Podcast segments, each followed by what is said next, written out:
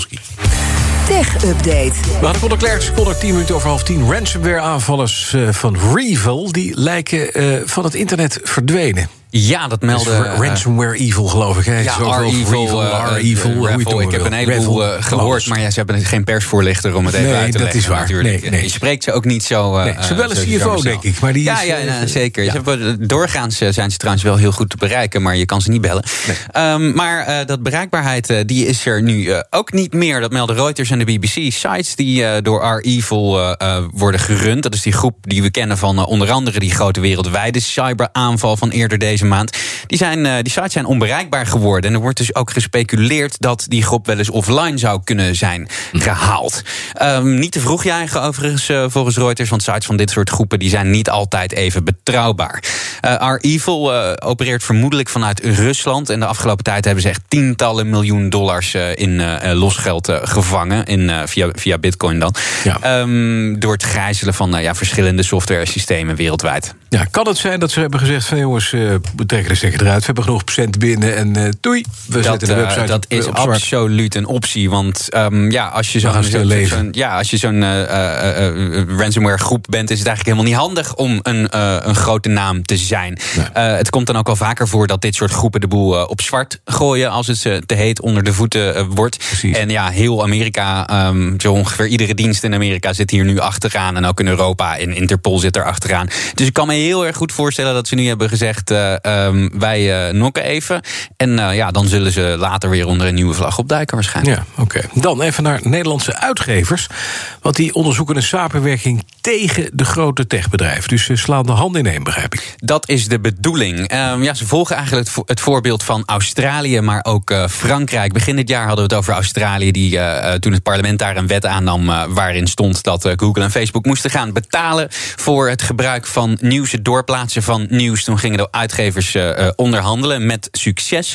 Gisteren was er groot nieuws uit de onderhandelingen in Frankrijk, waar Google een megaboete kreeg, een half miljard, omdat ze niet te goeder trouw hadden onderhandeld met de uitgevers. En uh, ja, dat smaakt natuurlijk uh, naar meer. En ook in Nederland denken de uitgevers nu, misschien kunnen we ook wat meer geld krijgen, want er moet betaald worden voor nieuws.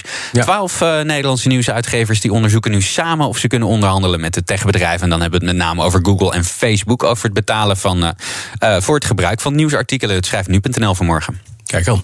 Dan gaat uh, dat willen we natuurlijk even weten over wie gaat het. Want het gaat ook over, nou nog niet helemaal over ons, maar wel een beetje, geloof ik. Ja, wel een beetje. Onder meer het Mediahuis. Dat is uh, de uitgever van NRC en Telegraaf, DPG Media. Met die twee heb je de meeste kranten al. Plus de NPO, RTL, NOS. Maar ook de uh, uitgever van het FD en eigenaar van BNR. Dat is FDMG. Um, sinds een week of vijf is dit eigenlijk mogelijk... omdat het uitgeversrecht in de EU in werking is getreden. En dat is een richtlijn die ervoor zorgt... dat nieuwsmedia meer controle kunnen krijgen... in hoe online nieuwsberichten worden verspreid. Maar ja, in je eentje tegen uh, Google of uh, Facebook ten strijde trekken, dat is niet, uh, niet zo'n goed idee. Dus het is eigenlijk wel logisch dat ze het nu samen proberen. Kan wel even duren voordat het onderzoek is afgerond, zeggen de mediabedrijven.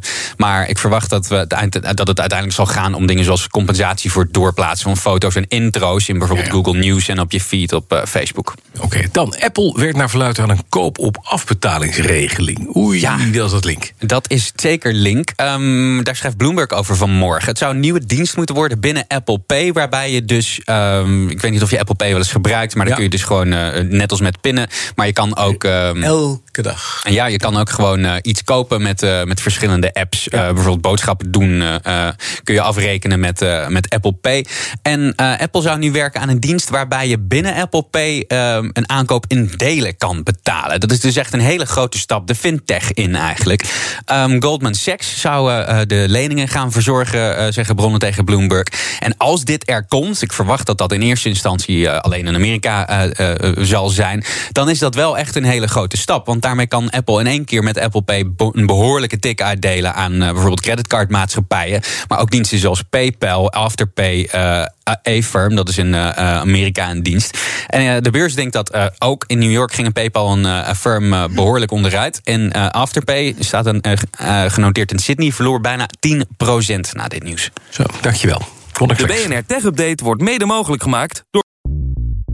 Bij BNR ben je altijd als eerste op de hoogte van het laatste nieuws. Luister dagelijks live via internet. Jelle Maasbach. Wesley Weert. We zijn er voor je met het leukste, opvallendste, maar natuurlijk ook het belangrijkste nieuws. Tijdens de presentatie van die halfjaarcijfers toen die beurskoers in elkaar kukkelde. BNR Beurs. Voor de slimme belegger. Blijf scherp en mis niets.